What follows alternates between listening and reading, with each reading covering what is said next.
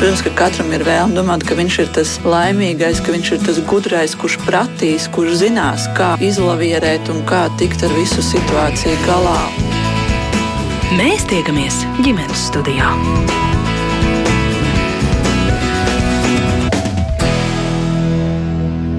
Labdien! Savu skanējumu sāk Latvijas radio viens rādījums ģimenes studija. Turmāko stundu ar jums kopā šeit būs Agnes Linka. Šī rādījuma producente ir Ilze Zvaigzne. Gada nogalē ar ģimenes studiju sazinājās kāda mamma, kas pati sevi sauc par vienkārši sabiedriski aktīvu cilvēku.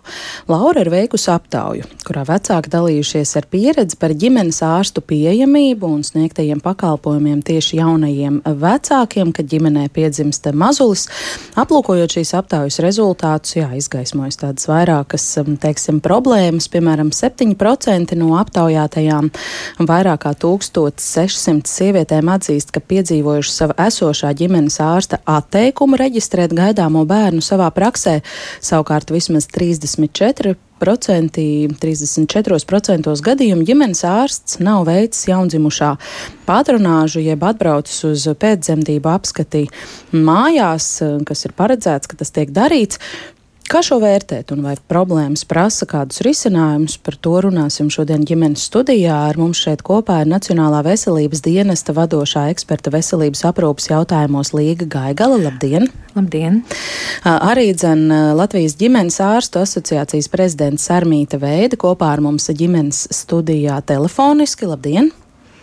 Labdien! Jā, telefoniski arī mums pievienojas šīs aptaujas iniciatore Laura Žukovska Supe. Sveika, Laura! Labdien! Un arī Latvijas lauku ģimenes ārstu asociācijas vadītāja, no arī 14. saimnes deputāta Līga Kozlovska kopā ar mums ģimenes studijā sveicināta. Labdien! Un eh, klausītājiem eh, gribu teikt, ka arī, ja jums ir personīga pieredze, kādi komentāri šajā jautājumā, padalieties ar to, kā Allaž esat aicināti rakstīt ģimenes studijai no Latvijas radio mājaslapas. Tur ir tāda sadaļa nosūtīt ziņu raidījumam. Laura, sākšu ar jautājumu jums, kāpēc jums radās ierosme šādai iniciatīvai veikt tādu aptauju, cik kopumā respondentu arī jums izdevās savākt? Jā, nu, šī motivācija radās no personīgās pieredzes. Mm, tas nebija tāds plānots pasākums. Es biju savā pirmā bērniņa gaidībās, tas bija 21. gada nogale.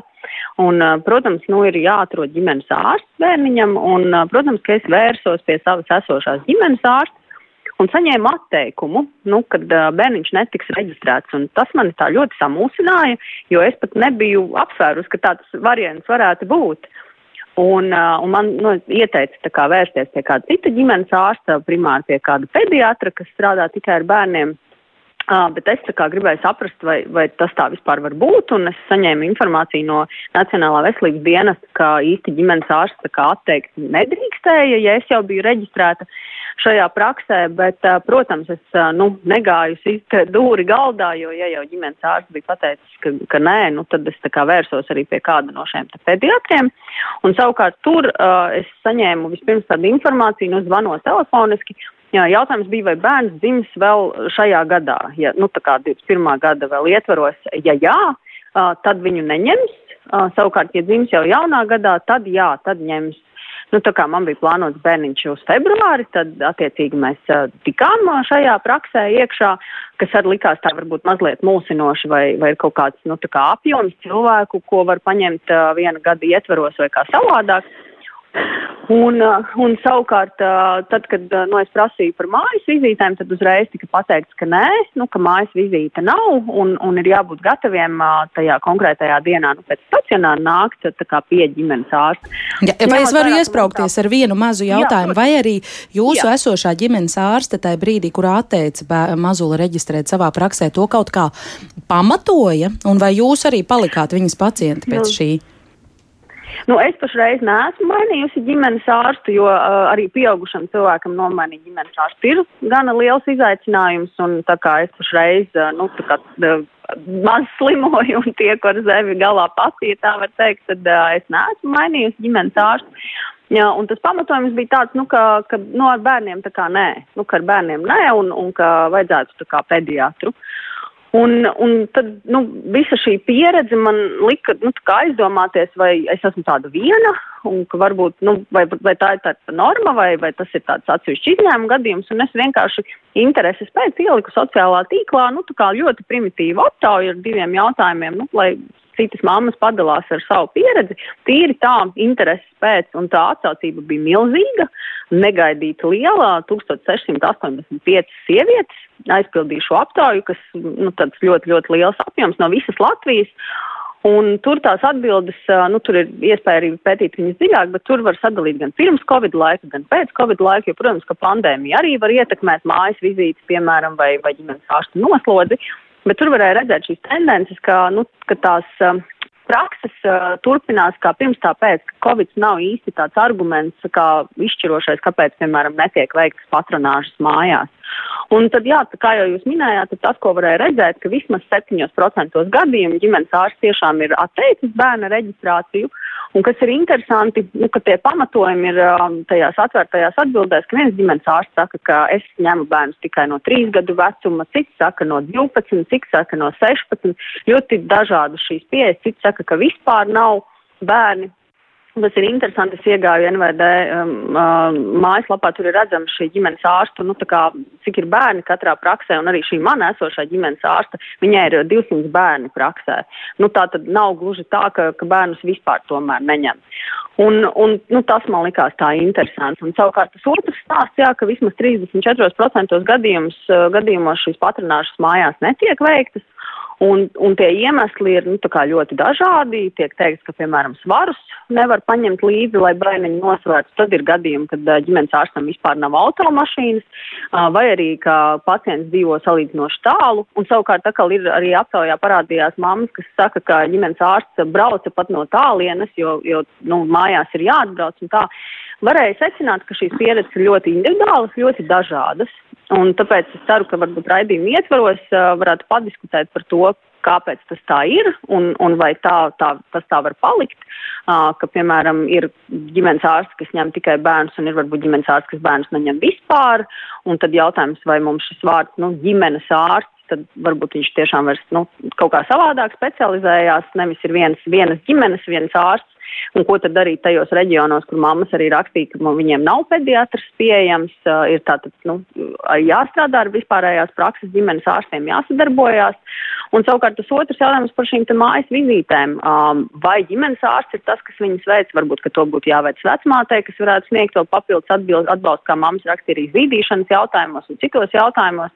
Un galu beigās tikai vizītēm mājās var novērtēt, piemēram, bērnu guļvietu vai bērna autiņu mainīšanas vietu un citas lietas nu, ko varbūt praksē uz vietas nevar. Un savukārt no otras puses, protams, ģimenes ārsti ir arī diezgan noslogoti un, un nu, varbūt, ka jautājums, vai, vai tā patronāža mājās ir nepieciešama, nav nepieciešama, kāds ir viņas mērķis. Un, Jā, to visu raidījumu gaitā mēs arī mēģināsim iztirzāt, vismaz mēģināsim paspēt.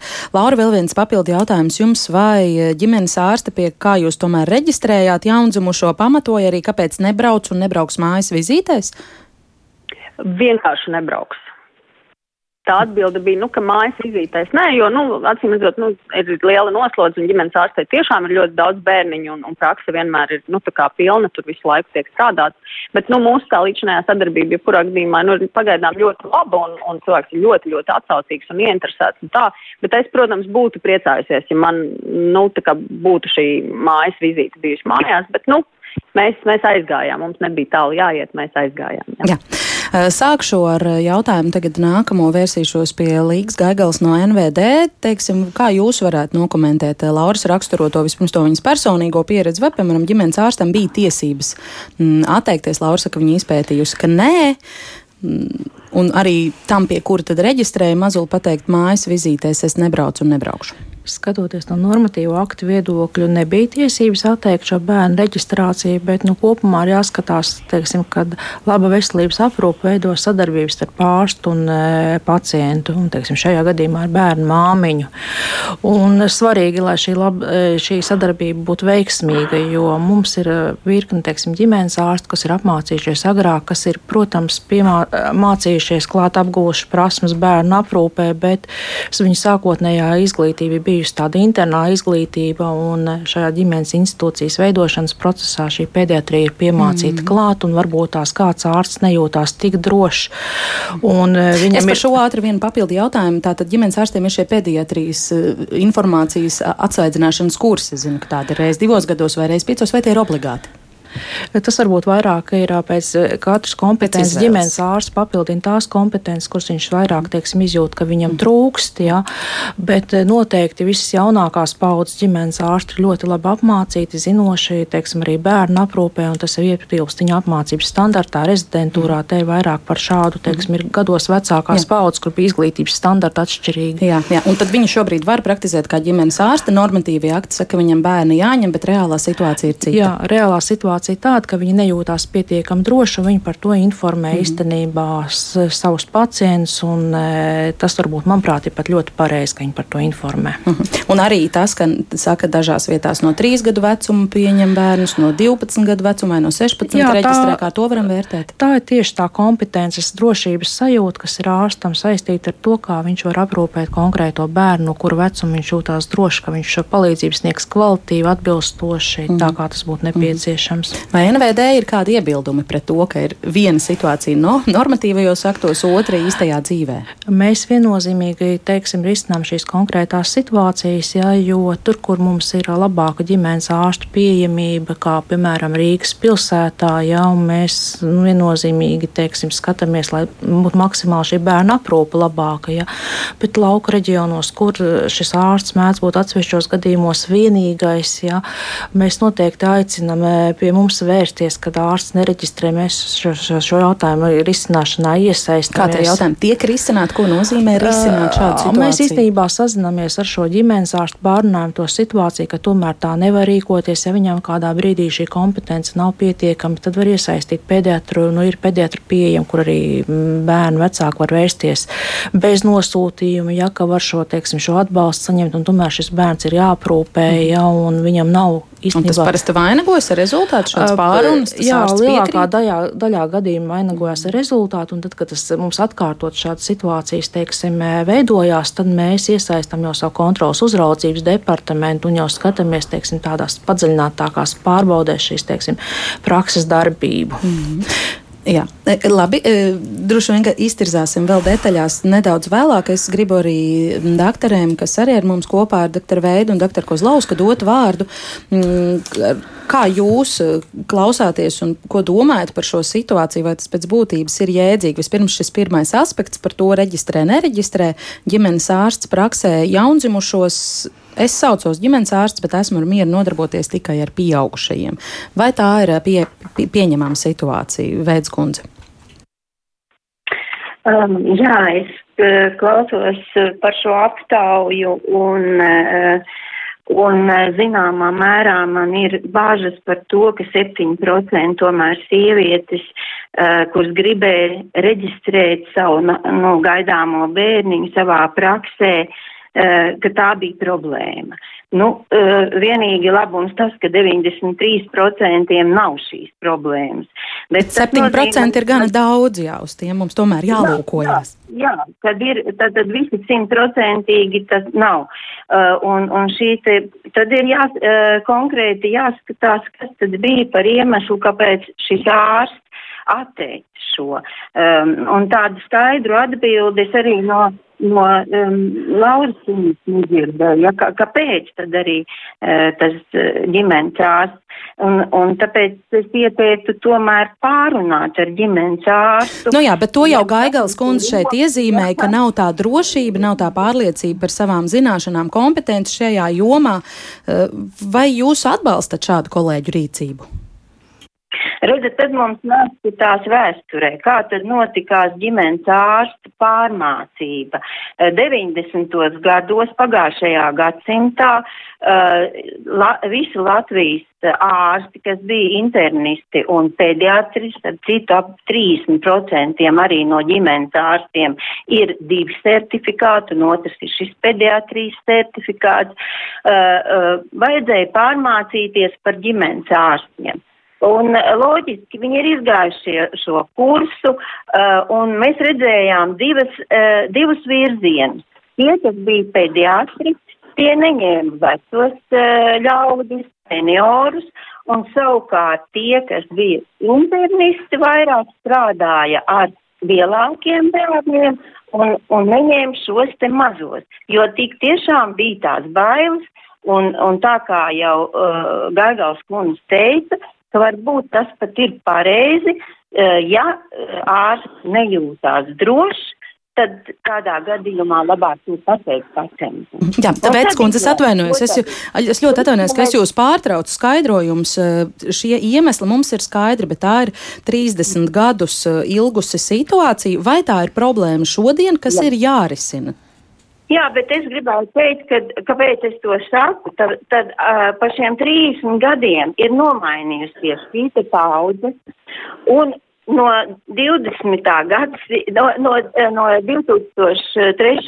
gada ir, pie, ir sākusies apmācība rezidentūrā, ģimenes medicīnā, kur arī apgūst šo te pediatrijas ciklu katru gadu, trīs gadus garumā, un trešajā gadā tiek veikts apmācības arī ģimenes ārstu praksē, kur praktiski, uh, lūk, uh, var uh, apgūt uh, visas praktiskās iemaņas, kas ir nepieciešamas.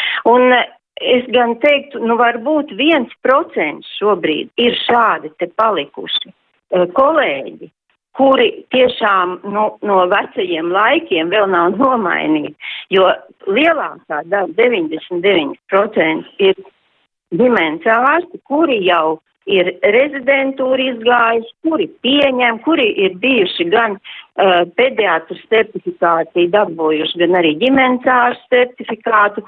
Tā kā, nu, tie ir laikam lūk šie 7%. Tātad 117 eh, sievietes, kas, ja mēs eh, tā matemātiski rēķinam pēc Lauras pētījuma, kas teica, ka ģimenes ārsts atsaka reģistrēt bērnus, jūsu minējums ir, ka visas viņas ir pie viena procenta no tiem Latvijas ģimenes ārstiem, kuri bērnus vēl reģistrē nelabprāt. Es pareizi sapratu? Nu, man ir grūti pateikt, vai, tā, vai, vai tie ir tikai tie. O, otrs pusi, uh, mēs varam arī paskatīties, kad ja uh, kolēģim ir prakse, kas ir lielāka par diviem tūkstošiem, tad arī šī te jauno bērnu aprūpe var būt problemātiska.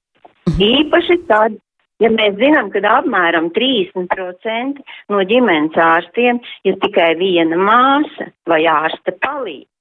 Līdz ar to uh, veikt uh, vairāk par 1200, uh, par 2000 uh, pacientu aprūpi, un šis ārsts izvērtējot to, arī tad pasaka, es vairs nevaru reģistrēt jaunus pacientus.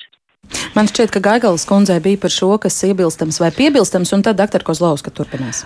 Tā tad, ja arī liela praksa, tad šo bērnu, kas ir lejupārādījuši, lejupē radinieks nevar atteikt reģistrēt. Tas nevar būt iemesls. Mm -hmm, jā. Paldies par šo repliku. Doktor Kozlovska, jūs pārstāvat lauku ģimenes ārstus, un, un tur tā ārstu pieejamība, mēs zinām, ir vēl sliktāka Kas jums piebilstams kolēģi jau teiktajiem, un kā jūs saredzat, vai tas pēc būtības ir tā jēdzīgi, ka es esmu ģimenes ārsts, bet eh, ar bērniem nestrādāšu? Mm -hmm. Nu, e, kolēģi, es gribu teikt, ka es Lauras e, anketas jautājumus un, un, un māmiņu atbildēs izpētīju ļoti rūpīgi, un patiesību sakot, e, tajās māmiņu replikās, komentāros un, un atbildēs jau ir īstenībā mēs jau redzam tos iemeslus cēloņus, ja, kas, e, nu, kas ir par iemeslu kādai, piemēram, neaiziet uz patronāžu e, ģimenes ārsts. Nu, un viena no tām lielākajām, lielākajām problēmām un cēloņiem, tas gan pirms, gan pēc Covid, tomēr ir tā ģimenes ārsta pārslodze un, un, un tā komandas, tas komandas mazais, komandas locekļu mazais skaits, jo e, Laura jau arī pieminēja, jā, arī vecmāte varētu iet un konsultēt, bet arī māmiņu atbildēs bija tur arī skaidri teiks, ka viņi negrib ģimenes ārsta palīga bieži konsultāciju, bet grib kompetentu ģimenes ārsta konsultāciju. Tas ir par konsultācijām nedaudz vēlāk, bet uh, tagad par jā. to reģistrēju, nereģistrēju. Bet par to reģistrēju un nereģistrēju, nu, ziniet, es, es teikšu tā, nu, visādā ziņā savā, savā um, novadā apkārtnē es īstenībā situāciju ļoti labi pārzinu un, Un vienalga ir liela vai maza prakse, bet laukos nu parasti jau mazu bērniņu reģistrē. Noteikti reģistrē viena iemesla dēļ, tādēļ, ka pirmām kārtām, tā kā mums Latvijā dzimst apmēram 17 tūkstoši bērnu gadā, tas ir ļoti mazs skaitlis ar lejupslīdi vien uz apakšu, un laukos paliek viņu ar vien mazāk un mazāk, tad ir novadi pagasti, kur vispār ir viens, divi bērni gadā. Tas ir, tas ir ļoti, ļoti maz skaidrs un dabiski. Drīzāk otrādīs mani lauku ģimenes ārstis, cik es viņus zinu. Viņi tieši otrādīs, viņi saka, lai nu ko bērnus gan mēs reģistrējam un mamītes un tētus ģimenes kopā pieskatām, jo citai jau neviena tur nav. E, nu, cita lietai tieši tomēr, es gribu teikt, viena alga lielāka vai mazāka pilsēta, pils, kur ir vairāk šo e, un dažādāki ģimenes ārsti, ne tikai jaunie, kuri varbūt ne, nejūtas tik droši, kuriem tā kompetence varbūt. E, Es domāju, ka ir, bet drošums, pieredze un zināšanas, tas būs tas, kas viņus, nu, tomēr, es domāju, tuvākā nākotnē nu, viņi būs spiesti to darīt. Bet, Jūsu teiktajā es dzirdu, ka reģionos tā nav problēma. Nu, tā ir mazāka problēma, jo es zinu, piemēram, savā novadā nu, ir divi ģimenes ārsti, e, viens ir pensijas vecumā, otrs e, tuvu pensijai. Viņi, viņi gadiem neņem e, bērnus, jā, ņem tikai bērnus pusauģus, un, un, bet pārējie kolēģi, mums ir galu galā 8, 9 ģimenes ārsti, piemēram, balvos, un, un visi pārējie ņem bērnus, jā. Mm. Tā kā īstenībā nav tā, ka, nu, tagad mamma un mamām nav īsti, kur palikt ar saviem bērniem. Es tiešām to, eh, nu, varbūt lielākās pilsētās, tieši lielākās pilsētās, kādēļ es domāju, ka ir tā, ka lielākas problēmas tādēļ, ka e, diezgan stingri tiek ievērots šis teritoriālais princips. Un, ja tā teiksim, ļoti, ļoti stingri eh, pie tā pieturās, atbil, atbilstoši likumdošanai, nu tad arī ir tā, ka gandrīz vienā ielā skaitās, eh, ka pie viena ģimenes ārsta un, un otrā ielas pusē jau ir cits ģimenes ārsts. Un, un vienā varbūt eh, tā praksē ir tik liela, ka viņš noslogojuma dēļ vairs neņem. Te pašā laikā Gaigalas kundze arī teica, ka nu, pirmās pakāpes radinieki ir jāņem bērniņi, tātad arī, jā, vecmammas un tā tālāk paliatīvā aprūpe, tikpat uh, svarīgas lietas. Uh, tā kā īstenībā mm, tur tie visi iemesli ir un vēl redzami tajā aptaujā iemesli, ka tomēr mūsu Latvijā ir gana liela migrācija, iedzīvotāja migrācijas. Mamma ir vienu mirklī ar tēti vienā novadā un pēc tam jau Rīgā vai Pierīgā, kur tiešām uzreiz to uh, ģimenes ārstu atrast nevar. Un tad ir, tad ir otrs variants, tad ir pēdējais arī privātais pediatrs, ja, un ar privāto pediatru arī aptaujā, nu, visādi iet, ja, ir visādas atbildes, gan pozitīvas, gan negatīvas. Jā, bet tas ir maksas pasākums, un par to jā, jau tad mums ir jārunā atsevišķi, jā. Jā, un bet, tas nebūtu jādara, jā. Jā, bet Kozlovskas kundze, es nevaru tomēr nenorādīt uz to, ka jūs šobrīd esat arī saimnes deputāti, jūs sakāt, jūs savā lokā arī zinat, ka divi no astoņiem ģimenes ārstiem bērnus eh, nereģistrē savās praksēs, vai, vai jums tas šķiet arī šobrīd kā saimnes pārstāvē pieņemami? Nu, šeit es gan gribētu laikam piekrist arī Sarmītes veidas kundzei, ka paudžu nomaiņa notiek un tie 35%, kas ir pensijā un pāri pensijas vecumam, nu, būs nomainīti ar jaunajiem ģimenes ārstiem. Pagaidām tad pieveram uz to acis? Mēs pievēram uz aci, bet šī gadījumā mums ir valsts tāda, tāda institūcija kā NVD, un es esmu vairāk kārtīgi arī ar saviem e, pacientiem, dažādām mamām no dažādiem novadiem runājusi, un īstenībā NVD nav īsti bijis gadījumu, kad neatrisina šo jautājumu, piedāvājot vienu vai citu ģimenes ārsta praksi, kurā, piemēram, iereģistrēto iedzīvotāju skaits nav tik liels. Nu, pagaidām tas ir iespējams, ja, un arī to likumdošana atļauj. Labi. Laura, jūs esat ilgāku laiku pacietīgi klausījusies, vai jums ir kas vēl ko komentēt, iebilst, piebilst vai vaicāt varbūt um, runātājām? Es jau teiktu, ka mēs patiesībā šeit jau dzirdam um, nu, gan tos iemeslus, gan tos potenciālos risinājumus. Jo, piemēram, man kā mammai es priecātos, ka varbūt šī informācija būtu bijusi zināma jau saulēcīgi vai, piemēram, tai pašā Nacionālā veselības dienesta mājaslapā būtu jau informācija pieejama, jo ja mēs pieļaujam praksē, ka ģimenes ārsts var atteikt bērna vai zīdaiņa reģistrāciju, tad šī varētu būt tā informācija, ko ģimenes ārsts uh, pauž un stāsta uzreiz, tad, kad, piemēram, jauns pacients vai paciente reģistrējās, ja, ka ziniet, tad, kad jums būs bērniņi, rēķināties, es viņus nevarēšu, piemēram, paņemt. Vai arī tad mājas lapā es varu atvērt un nekur es redzu šie, piemēram, 10 no 15 ārstiem bērnus neņem, tātad man paliek atlikušie 5. Jo tas, ko stāstīja arī mammas uh, aptaujā, uh, ka viņas ir staigājušas pie viena, pie otra ģimenes ārsta, zvanījušās, un beigās burtiski ir jālūdzās kādam, nu, lai tas bērniņš kaut kur tiktu reģistrēts. Nu, kas, manuprāt, īsti nav tāda normāla situācija, un varbūt, ja tā informācija informācija vismaz būtu jau pie, nu, publiski zinām, tad mēs aiztaupītu grūtniecei un, un jaunajiem vecākiem visu šīs raizes un, un iespējams tādu bišķiņu, nu, tādu lūkšanos eh, un zvanīšanos eh, riņķī apkārt eh, ģimenes ārstiem, kuri tāpat neņems, piemēram, šo te jaundzimušo. Mm -hmm, jā, Gaigals, Laura, šo Laura, varbūt varētu papildināt. Ja? Pagaidiet, tā, labi. Papildināt īsi. Jā, Līga. īsi. Jā, es īsi papildināšu. Uh, Lauras priekšlikums, vai arī, teiksim, arī manējais ir, nu, tas ir patreiz pārējais variants, jā, jo NVD tas informācijas koordinējošais, nu, avots, kur, kur varētu arī šo, šos jautājumus atrisināt uh, topošās māmiņas. Un kādēļ es arī saku topošās māmiņas? Ir, ziniet, tā likumdošanā paredzēts, ka 611 ir tādi ministru kabineta noteikumi, jā, tātad Mātes pase ir viens dokuments, kas mammai ir uz rokām. Un tad, kad, ja es, piemēram, pati vedu grūtniecības uzraudzību, lielākā daļa grūtnieču e, pēc tam pieregistrē savus bērniņus pie manis un es eju uz patronāžām un tā tālāk. Otra daļa iet pie ginekologiem. Un arī ginekologiem ir jāiedot jau laicīgi, jau sākot no 33. 5. nedēļas, eh, jālūdz eh, māmiņai, topošai māmiņai aiziet pie tā ģimenes ārsta, kurš mātes pasē ierakstīs, pie kura eh, ģimenes ārsta bērniņš tiks reģistrēts. Un pēc tam šī atpakaļsaite nāk jau no dzemdību nodaļas.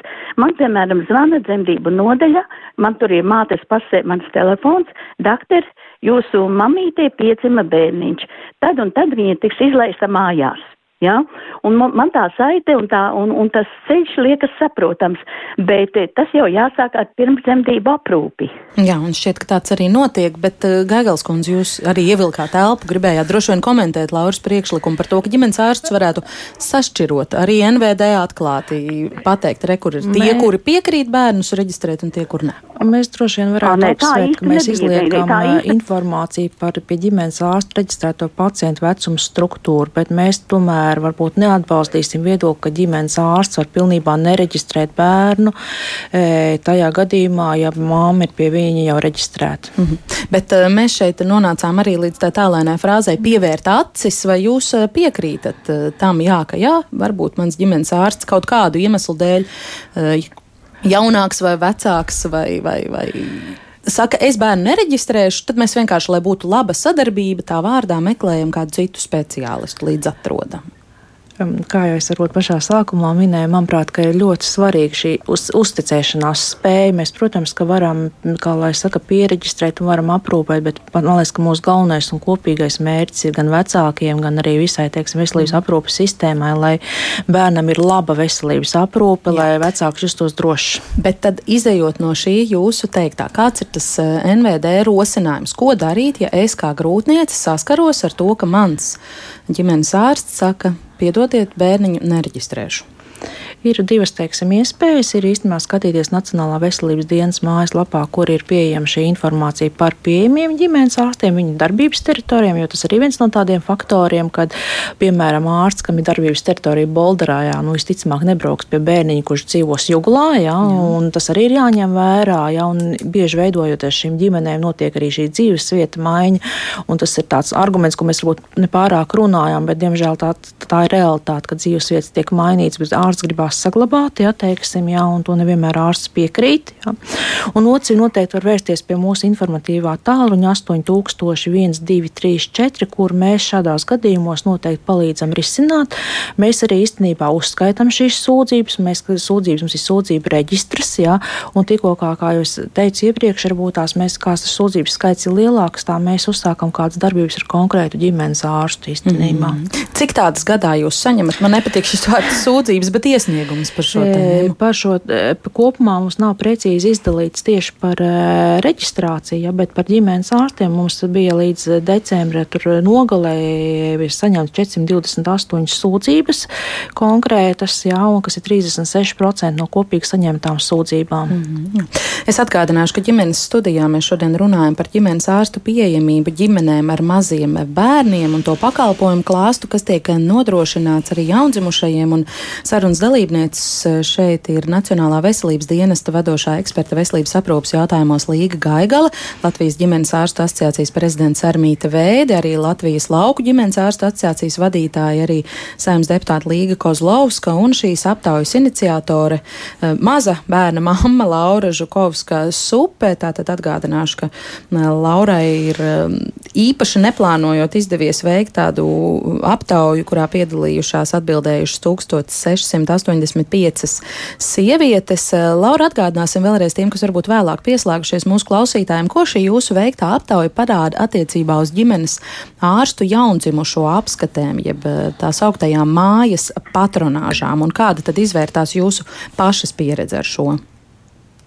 Jā, tā tad, nu, man ģimenes ārsts nebija nenāca uz mājām, mēs gājām pie ģimenes ārsta un arī aprunājoties ar citām māmiņām, kas ir, nu, pie mana konkrētā bērna ģimenes ārsta, ka tā ir tāda ierasta praksa, nu, kad ir jāiet pie konkrētā pediatra uz praksi. Un, uh, no aptaujas var redzēt, ka nu, tā labā ziņa ir, ka aptuveni nu, 47 līdz 50% kā tur ieskaita vēl arī atvērtās atbildes uh, ģimenes ārsts dodas mājas vizītēs, tātad aptuveni puse mammu uh, nu, saņem uh, šo patronāžu mājās. Aptuveni 34-35% gadījumos uh, netiek veikta patronāža mājās, lai gan mamma to vēlētos. Un tad uh, nu, ir daļa māmu, aptuveni 10%, kas uh, atbildēja, ka viņas arī pašas nevisai gribētu ka viņas labprāt uh, dodas pie ģimenes ārsta tīri kaut vai uh, no šīm epidemioloģiskajiem uh, iemesliem. Tā kā tas, tas atbilžu uh, variācijas uh, ir lielākas, bet uh, jāsaka, 34-35% gadījumu mammas gribētu šo, nu, saņemt uh, vizīti mājās, bet viņi netiek nodrošināta. Un, ja mēs skatāmies, nu, kas ir tie iemesli, tad, kā jau es minēju, viņi ir visdažādākie, bet ļoti bieži bija šis iemesls, ka ģimenes ārstam nav pārnēsājumu zīdaiņu svaru tātad nav iespējams bērniņu nosvērt. Tad arī tas, ka ģimenes ārsta praksa atrodas salīdzinoši tālāk no šīs mammas dzīves vietas un ģimenes ārstam ir grūti atbraukt, viņam vienkārši nav laika, viņš ir noslogots. Um, tad uh, arī tas, ka ģimenes ārstam nevienmēr ir automašīna, un šeit mammas bija vairākas, kas rakstīja, ka vīrs ir braucis pakaļ ģimenes ārstam, ka ģimenes ārsts teica, es atbraukšu, bet vai jūs varat man atbraukt pakaļ? Tā kā arī šādi interesanti tiek risināti nu, tā, šie gadījumi. Tā kā tie iemesli ir visdažādākie, uh, bet tāpat laikā nu, puse aptuveni saņem šīs vizītes mājās un aptuveni nu, trešdaļa nesaņem. Līga vaicāšu atkal jums, kā NVD pārstāvēja, kas ir tas, ko normatīvie akti šobrīd nosaka attiecībā uz mazuļu pēcdzemdību apskatīju, kam tā jāveic, kur jāveic un vai vispār obligāti jāveic? Normatīvais regulējums nosaka, ka bērnam ārsta, ģimenes ārsta mājas vizītē ir jābūt vienai 3, 3 līdz 6 dzīves dienā un otrai 15 līdz 21 dzīves dienai. Tātad pirmajā mēnesī divas ģimenes ārsta mājas vizītes pie bērna mājās. Obligāti. Jā, tā šis regulējums šobrīd nosaka, kad ir jābūt obligāti, un ja mēs uzskatām, piemēram, ka tam šī aprūpe varētu būt kaut kāda savādāka, tad mums ir ģimenes ārstiem kopā ar pediatriem ir jāvienojās, kādi būtu tie labākie aprūpes standarti. Mm. Kādām ausīm tad jūs uzklausāt šos skaitļus? Apmēram 50% no ģimenes ārstiem dodas mājas vizītēs. Tā ir tikai puse, tad tur ir tie daži procenti, kas paši nezina, negrib šā vai šitā, un tad ir 34% saka, ģimenes ārsts pie mums nebrauc. Es domāju, ka ir ļoti vērtīgi šīs lau, māmiņas Lauras veiktā aptauja, jo, protams, ka mēs esam dzirdējuši šīs sūdzības, ja ka nevēršās, bet te ir varbūt tās jau tādi pamatot pamatāki dati, kas nu, rada teiksim, to e, teiksim, problēmas lielumu iespaidu, ja, ka tā tomēr ir problēma. Ja, bet tas, ko mēs droši vien ir jāsaprot arī, kad ir šī bērna, teiksim, e, ir noteikts lietas, ko var novērtēt bērnu mājās. Tie ir sociālie riski, jā, tie ir varbūt tās arī kaut kādi vēl citi riski, ko var izvērtēt mājās, šī drošības, kā bērnam tā, teiksim, vieta ir iekārtota, vai mm. ir gultiņa, vai ir pārtinamais galds, vai tas viss notiek, teiksim, priekš bērnu atbilstoši droši, jā. Bet ir arī tādas, nu, medicīniskās lietas, kā, piemēram, te tika minēts svari, ka bērnam ir ļoti svarīgi pirmajās dzīvēs, dzīves dienās, dienās šī svara dinamika, jā, mm. kur varbūt tās ir kaut kādas zīdīšanas problēmas vai aizdomas par tām problēmām ir svarīgi novērtēt, un tad tajos gadījumos tas ir varbūt atkal pareizāk un labāk izdarāms praksē. Un es domāju, ka tas ir pareizākais risinājums, ka tas notiek sadarbībā, mhm. kopā vienojoties par vislabāko risinājumu, ņemot vērā arī epidemioloģisko situāciju ar mazu bērnu, piemēram, doties uz, teiksim, pilnu praksi. Nu, tas arī nav pareizi tikko jaundzimšana. Varbūt, ka māmiņai ir pēc dzemdībām problēmas, un viņa nekur nemaz aizdoties nevar. Viņa varbūt ir vientuļā māte, jaunā māte, un ir, nav materiāli tik labi nodrošināta, ja gados jauna, teiksim. Mm. Tie situācijas ir ļoti, ļoti dažādas, bet principā tas pats pamats un labākais šī ir sadarbība, ja, un noteikti, ja šim ģimenes ārstam ar māmiņu būtu tas jāizrunā, ja, un tai jābūt tādai, nu, savstarpējai, teiksim, vienošanās, un nevarētu būt tā, ka ārsts ārsts pasaka, ka es uz mājām nedošos. Ja vienalga kāda iemesla dēļ māmiņa uzskata, ka viņa nevar doties uz praksi. Mhm. Tātad jūs nepieņemat šo pamatojumu, ka ārstam, piemēram, nav svaru. Vai tas tā varētu būt? Nē, šāds pamatojums nevar būt. Mhm. Jā. Jā, bija kas vēl? Ne. Doktor Veide, esat tagad ilgāku laiku atkal klausījusies. Ceru, ka esat vēl kopā ar mums. Kā jūs vērtējat to, ka tik liels procents no šīs aptaujas dalībniecēm, saka 34%, pie mums mājās ģimenes ārsts pēc bērna piedzimšanas neatbrauca. Tieši vērtējums šim. Saprot, jā. Um, kad 34% ģimenes ārsts nav veids patronāžas mājās. Nu, šī problēma jau mums izstar, izstarojās jau ļoti sen, es teikšu, gadus 4, 5, kad mēs jau redzējām, kad uh, daudz uh, māmiņas bija tomēr praksē, kas teica īpaši pēc otrām, trešām, ceturtām dzemdībām, kas uh, teica, doktor, mēs pašas brauksim pie jums uz praksi un nevajag mums šo mājas vizīti. Un uh, tad mēs arī uh, aicinājām pārskatīt šo normu vai obligāti visas tātad šīs te apskates pēc dzemdībām ir jāveic tieši mājās, mm -hmm. jo mēs arī esam paskatījušies, kā tad notiek citās valstīs. Un, un jāsaka tā, ka bijām pārsteigti par to, ka patronāžs mājās daudzās valstīs vispār neveic. Ja, bet pie mums pagaidām šie normatīvie akti vēl Jā. nav grozīti. Atbilstoši tiem, tātad tam būtu jānotiek šīm mājas vizītēm, bet tās nenotiek. Vai jums tam ir vērtējums, vai jūs, piemēram, pie saviem pacientiem jaundzimušajiem braucat uz mājām uz šīm pirmajām apskatēm pati?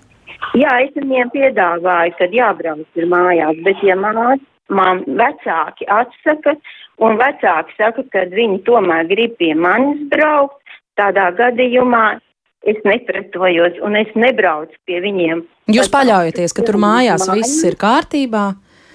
Uh, jā, ja parasti tā ir otrā, trešā, ceturtā, dzem, ceturtās dzemdības, un es zinu šos pacientus, viņi, uh, uh, zinu viņus apstākļus jau iepriekš, tad noteikti es paklausīšu, jā, kā jā. vēlmēm to, ko vecāki vēlas, un tad arī tādā gadījumā mm, viņi brauc pie manis. Jā, vairāk arī... ir tādu, kas grib pie jums braukt, vai kur tomēr aicina jūs mājās? Nē, nu lielāko daļu apmēram tā kā aptaujā ir gandrīz 60. 70% gadījumos es braucu mājās, bet ir kaut kur ap 30%, kuri tomēr uh, brauc pie manas praksē. Jā, doktor Kozlauska, Kāda jūsu pieredze šajā ziņā un kā jūs vērtējat to, ka tik liels skaits tomēr kolēģu pie jaundzimušajiem uz uh, mājas vizītēm nedodas? Nu jā, es savā veidā piekrītu abām kolēģiem par to, ka ir tomēr savstarpējā sadarbība ar mammu ir ļoti svarīga un arī vienošanās par šo, e, vai, vai, vai būs e, patronāža mājās, vai, vai būs arī šī vizīte, piemēram, ir gadījumi arī, es zinu no maniem kolēģiem, ka braucot no mamma no dzemdību nodaļas, tā kā viņai jābrauc 30 km attālumā uz to māju, viņa iebrauc praksē un, un novērtē tātad ģimenes ārsts bērniņa stāvokli e, pirmajās e, dienās pēc zemdības praksē. E, tā, arī tādi gadījumi, nu, es par savu praksi varu teikt, ka man ir nedaudz cita situācija. Man, es varu teikt, ka man nav praktiski neviena gadījuma, ka es neaizbrauktu uz patronāžu, jo mans, mans, diemžēl, novads ir, ir tas depresīvais un ļoti daudzi tiešām, nu, tādi sociāli smagi arī pacienti un mājas apstākļi ir smagi, ja, tā kā man ir noteikti jāizbrauc, jāpaskatās un, un, un arī par tiem svariem. Nu, tas, tie svari jau nav tā kā katrā patronāžā jāņem līdzi. Ja bērns, bērniņš ir tajā pašā pie, pat pirmajā patronāžā viņu novērtējot, viņš ir vesels, visu psihomotora attīstība, visi refleksi ir atbilstoši bērniņš. Nu, ir normāls labs bērniņš, ja, pēc piedzimšanas, bet dabiski tad ir, tad ir tā lielā garākā konsultācija konsultācija, sevišķi, ja mammai tas ir pirmais bērniņš, visi padomi gan par zīdīšanu, gan par e, kopšanu, ādas kopšanu, gan par nabiņa redz, kā nokritīs, kā tur vajag bērnu nesāt, grozīt, e, ģērbt. nu, visi tie jautājumi, kas mums ir ikdienas konsultācijas tā kā saturā iekšā. Ne, bet, bet, bet, jā. jā, bet es gribēju pateikt tā, bet man ir, manā praksē gan ir dubultie svari un, un tas nozīmē otrie svari, ja, kurus es dodu arī līdzi e, mājās vecākiem, tiem, e, tiem vecākiem, tām mamītēm, kuriem bērniņš ir e, piedzimis ar mazu svaru vai pirms laika piedzimis. Un tur tā svara kontrole praktiski katru dienu ir vajadzīga. Nevienreiz, nevienmēr man jābrauc katru dienu, bet mamma ziņo man vai nu Whatsappā vai nu telefoniski, kā bērniņš jāsaka pieņemas svarā. Nu, tā, ir, tā ir ģimenes ārsta darba nu, daļa. Ļoti, ļoti jauki, ka jūs to raksturojāt un ka jūs visu to darāt, bet eh, vai jūs varat izteikt arī kādu eh, vērtējumu tam, ka tomēr tik liels procents no aptaujas dalībniecēm saka, pie mums mājās ģimenes ārsts pēc bērna piedzimšanas neatbrauc ņemot vērā, ka tie noteikti ir arī kolēģi reģionos, kur tieši varbūt nevis šī nereģistrēšana, bet eh, tās mājas vizītes attālās varētu būt vēl izteiktāka problēma. Un jūs arī mm, sakāt, nu, jā, ka ir jā. šie sociāli svārstīgie, svārstīgā jā. pacientu grupa, un kas tad eh, notiek ar tiem, pie kuriem ģimenes ārsts nebrauc lauku reģionos? Nu, tad droši vien tie, tie nu, ja jūs tur tajā aptaujā, es atceros no tie 24 apmēram procenti bija tātad tie, kas vairāk vai mazāk, kas bija saprotams, kas ved uz praksi, vedot bērnu no dzemdību nodaļas, ja, ieved praksē un bērns tiek apskatīts. Vai arī, teiksim, otrā vai trešā dienā. Es, piemēram, arī šī gadījumā noteikti piekristu, ka vajadzētu būt um, normatīvo aktu labojumam, grozījumiem attiecībā uz to, ja ir šī savstarpējā savstarpējā sadarbība un sevišķi uh, ģimenes ārsts ļoti labi pārzina ģimenes apstākļus un jūtas uh, arī profesionāli droši, ka mamma tur noteikti aprūpējas un labos apstākļos ir, piemēram, tur māja dzīvoklis un visi, visi higienas apstākļi ir tādi, kas nodrošina bērnu aprūpi, tad jau es teikšu tā, var arī atbraukt uz praksi, un ja tas ir pa ceļam arī uz lauku, no lauku uz laukiem kaut kur tālu un pa vidu iebrauc praksē. Nu, tas jau nav Sapratām nekas. šo viedokli, jā, ja? bet kas tad būs ar tiem uh, sociāli nelabvēlīgajām sabiedrības grupām, ja mēs mainīsim šo noteikumu, ka ģimenes ārsts var nebraukt, un uh, varbūt tie cilvēki arī nemaz nevēlas, lai pie viņiem kāds bāž savu degunu līga? Nu, šie riski ir vienmēr, tomēr, manā izpratnē, ģimenes ārsta prakses pārziņā, jā, jo, ja nav zinām šie dzīves apstākļi, nav būt šajās mājās, tad par to būtu viennozīmīgi jāpārliecinās, mm. jo es, varbūt no manas kādreizējās prakses pieredzes ir tā, ka at, atved ļoti skaisti tīrās drēbītēs jaunā sietītu bērniņu, prieks skatīties, bet aizbraucot mājās, šie apstākļi ir pilnīgi diametrāli pretēji, jā. Kur, nu, teiksim, no tāda ārsta viedokļa jāpievērš pastiprināts risks, jā, vai viņš tiks pareizi barots, vai viņam tiks no, nopirkta pārtika, jo ja zīdīšana ir pārtraukta, jā, un ir šie, teiksim, vēl e, kaut kāda smēķēšana, nedaudz alkohols mēdz būt, jā, nu, tas ir jāvērtē. Īstenībā tas paliek noteikti ģimenes ārsta kompetencē, jā, izvērtēt šo konkrētās mm. ģimenes risku un pārzināt to, jo mazam bērnam tie, tas var radīt ļoti nopietnas sekas.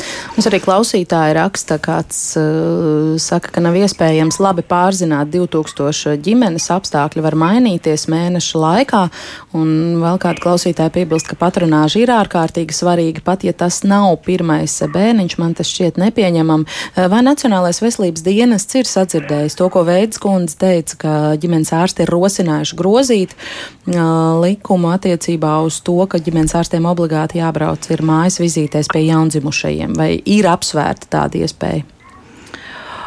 Pirms vairākiem gadiem šādi grozījumi tika apsvērti, bet kopā ar bērnu slimnīcas speciālistiem un pēdējā asociācijām toreiz palika pie šāda regulējuma, kāds ir šobrīd. Mm -hmm. Tas tā tad nav šobrīd dienas kārtībā. Jā. Laura, vai jums klausoties šeit runātāja teiktajā vēl ir kas bilstams vai vaicājams? Nu, es gribētu nodalīt vairākas lietas, kas izskanēja no, no doktoriem un, un arī no NVD pārstāvis. Uh, viens ir tas, ka uh, tiešām ģimenē var būt otrais, trešais, ceturtais bērniņš, un tad iespējams uh, šī mājas vizīte tiešām varētu būt izvēles. Bet uh, pirmais bērniņš, nu, mans ieskats, protams, tas ir mans privātais viedoklis, ka šim būtu jābūt kā obligātam pasākumam tieši tāpēc, ka ģimenes ārstam būtu jāredz šī dzīves apstākļi un kāda ir situācijas vietas, kā bērniņš tiek barots, kur viņš tiek guldīts. Un es gribētu noņemt arī mazliet šo nu, sociālā riska tādu uh, plīvuru no šīs tēmas, jo, manuprāt, uh, nereti grēko ar dažādām lietām arī labi situācijas ģimenes, piemēram, ģimenes studijā arī ir bijis raidījums par bērnu miegu un guļvietas iekārtojumu, kur nereti vecāki sapērk visādus spilventiņus un sedziņus un visu kaut ko, kas patiesībā ir pilnīgi liek un var apdraudēt mazo zīdainīti, un to var novērtēt tikai uz vietas esot. Attiecīgi, manuprāt, šis patronāžas jautājums ir vēl svarīgāks nekā tas, ko mēs runājam par bērnu pierakstīšanu pie kāda ģimenes ārsta, jo agri vai vēl, jo tomēr bērniņš ģimenes ārsts kaut kur nu, tiks pierakstīts pie kāda speciālista. Ja, bet šī mājas patronāža būtu tiešām obligāta vismaz pie pirmā bērniņa, lai novērstu dažādus riskus, jo iespējas praksē var būt ļoti dažāds. Tāpat arī šis zīdīšanas atbalsts, kas uh, principā kļūst aktuāls tikai šajā trešajā, ceturtajā dienā, nu tā patiešām, kad ienāk mammai nu, īstais pieniņš un viņi jau visdrīzāk ir ārā ārā no stacionāra. Attiecīgi šeit ir vairākas uh, tēmas, par kurām tik tiešām būtu jārunā un būtu mazliet jānodala. Un man, piemēram, liekas interesanti šis, ka mammas raksta, ka ģimenes ārstam vispār nav automašīna. Un tad ir jautājums, ja ģimenes ārstam vispār nav sava privātā transporta, tad kā vispār var tik nodrošināts mājas vizītes ne tikai zīdaiņiem, bet vispār. Un tas, ko mammas arī rakstīja aptaujā, ka šīs mājas vizītes daļa ģimenes ārsts neveic vispār nekādos apstākļos, ne tikai kā patronāža, bet arī pēc tam, ja bērniņš ir ar ļoti augstu temperatūru vai kā savādāk, tad šīs mājas vizītes netiek vispār nekādā atbildīgi veikt. Un, un tad mēs visi satiekamies bērnu slimnīcā. Jā. Jā, jā. jā, piedodiet, ka pārtrauc ļoti, ļoti maz eh, laika Mikai. mums ir atlicis. Es eh, var, gribu pavaicāt vēl vienu tādu pēdējo jautājumu, bet tiešām mēģināsim bez atkārtošanās un bez piekrišanas koncentrēti eh, jā, nē. Vai tas ir pieļaujami, ka ārsta apskati, jaundzimušā apskati mājās vai ārsta prakses vietā arī veids ārsta palīgs? Vai medmāsa? Vai nāk vecmātes? Kas visi šie trīs ir visu cieņu medicīnas darbinieki, bet nav ārsti. Katrai specialitātei ir sava kompetence, un arī mēs varbūt nerunājām mazliet par, par, vecmā, par vecmāšu māsu un ārstu palīgu. Arī viņi mm. ir iesaistīti patronāžās, un viņam arī noteikti savu kārtību. Mm. Bet vai tas ir pieļaujams, ka nenāk ārsts, bet nāk ārsta palīgs medmāsa vai vecmāte? Šobrīd no normatīvo regulē aktu viedokļa noteikti mm. jābūt ārsta apskatē. Mm. Dakteres kundzēm arī šo pašu vaicāšu, bet ļoti īsti tiešām, ja iespējams, mm. vai konceptuāli piekrītat tam, ka kāds, kurš nav ārsts, bet ir medicīnas darbinieks, darbinieks izdara šo šobrīd ārsta darbu. Veids kundze. ka tieši otrādi, vai piedošana normatīvi akti tieši to paredz, ka ārsta palīgs var iet un noteiktajos, noteiktajos pirmā mēneša laiku, laikā pārbaudīt eh, mazā bērniņa veselību. Tikai dabiski pirmā patronāža, un šeit es gan Laurai pilnīgi piekrītu un māmiņām, ka es kā ārsts arī vienmēr justos labi un būšu droša, ja es aiziešu mājās pirmajā patronāžā. Mēs varam diskutēt par otro pa patronāžu e, mājās, tas ir 21. dienā, tas ir tad, ja ir nepieciešams saistībā vienalga ar sociālajiem vai jebkādiem apstākļiem, ja, to mēs darām, varbūt ne tikai divas vai trīs reizes, bet, bet tas, ka pirmajā patronāžā jābūt ir mājās, nu, es kā ģimenes ārsts tomēr uzskatu, ka tam jābūt ir. Jā, sapratām, veids kundze. Nu, es piekrītu to, ka eh, noteikti pirmajā reizē ir jāredz bērnu, bērnu daktariem, jā, vai tā ir mājas vizīte, vai tas ir praksē, tas ir cits jautājums, par to varbūt tiešām ir jādiskutē un vēlreiz jāpaceļ pēc šīs aptaujas un ar veselības ministriju, ar NVD un varbūt jāveic tomēr grozījumi ir likumdošanā. Nu, un, protams, tieši tas, kas ir tas sociālais risks, apstākļi, kā, kā barot bērnu, kā, kāda droša vide vai bērnam, tad tieši tie ir tie jautājumi, ko nevis ārstam būtu jārunā, bet vecmātei vai, vai ārsta palīga vai māsai. Mm, jā, bet uh, veids, ko es vēlreiz precizēšu, tad tas, ko jūs teicāt, nu pat iesākumā par tām, uh, par izmaiņām normatīvajos aktos, jūs turaties joprojām pie tā, ka vajadzētu viest izmaiņas, ka patronāžas mājās nav obligātas. Jā, es Jā. domāju, ka vajadzētu. Runa varētu izšķirt, vai tā pēc pie pirmās, uh, varbūt pēc pirmām dzemdībām uh, varētu būt obligātas, bet uh, pie otrām, trešām, ceturtām Nu, tur jā. ir, tur Sapratām viedokli. Jā. Vienīgi jā, gribas vēlreiz pasvītrot, ka šis ir jautājums, kuram nepiekrīt bērnu slimnīcas speciālisti un pediatri. Um, Līga Gaigala NVD pēdējais jautājums vēl uh, jums. Es uh, pavisam īsi tiešām gribu pieskarties tam, vai, vai Nacionālais veselības dienests, protams, ka maksā ģimenes ārstiem par šiem pakalpojumiem, jaundzimušā apskata mājas patronāža, uh, cik ir tā naudiņa, un ja ārsts to neveic vai pastāv pastāv iespēja, ka naudu automātiski tomēr saņem par šiem pakalpojumiem? Tad ģimenes ārstiem tiek maksāts vairākos, teiksim, finansējums tiek novirzīts vairākos veidos. Viena tā ir saucamā kapitācijas nauda, tas ir maksājums par reģistrēto pacientu, un ir par noteiktiem pakalpojumiem vēl tiek piemaksāts, teiksim, noteikti mm. manipulācija tarifu, un tā arī tiek piemaksāts vēl Jā. papildus kapitācijas naudai par patronāžu, un e, tarifs kopā ir 12,66, no kuriem daļai veido pacientu līdzmaksājums, ko valsts kompensē 2,85 eiro. Mm. Tātad, e, vai e, šajos maksājumu apjomos arī neparādās tas, ka puse ģimenes ārstu gandrīz neveic šīs mājas patronāžas? Bet tajā maksājuma apjomā NVD to nefiksē. E, maksājuma apjoms ir jau laikam diezgan sen nav pārskatīts, varētu teikt. Tas droši vien mums būtu jāskatās sadarbībā ar ģimenes ārstu asociācijām, bet ja pēc man pieejamās informācijas, manuprāt, mums nav iesniegts šāds tarifu pārskatījums, mm. bet nu, ir jāskatās arī uz to, ka šis finansējums ģimenes ārstu praksēm nav tikai jā, no šīs manipulācijas, mm. viņš arī no kapitācijas, nav no prakses uzturēšanas, no citiem teiksim, avotiem, kas kopā veido jā, praksē šo eh, finansiālo mm. nodrošinājumu. Bet, nu, ja puse ārstu nebrauc mājas vizītēs pie jaundzimušajiem, tad naudu viņi par to nesaņem. Nē, Tas, viņi... ka tā nauda tur neplūst, NVD nerāda to ainu, ka, ka viņi to nedara. Nacionālā veselības dienas dati parāda, ka 2022. gadā ir veikts 16, te nav pilna decembra dati, nav pilnajā apjomā 16,200 patronāžu ģimenes ārstu. Jā. Nu, jā, Te šķiet, ka jāliek vēl daudz punktu, lai analizētu ciparus kādā no nākamajām sarunas reizēm, varbūt eh, vēl precīzāk. Um, paldies par sarunu ģimenes studijā. Es šodien saku Nacionālā veselības dienesta vadošajai ekspertē veselības aprūpas jautājumos Līgai Gaigalai, arī ģimenes ārstēm Sarmītai Veidei un Līgai Kozlauskai, arī aktīvai mammai, aptaujas iniciatorai Laurai Žukovskai Supei un raidījuma ģimenes studiju šodien eh, sagatavoja Ilza Zvaigzne, Katrīna Bramberga un es Agnes Linka. Klausieties mūs arī podkāstos sekojiet Facebook un Instagram. Tiekamies un uz sadzirdēšanos!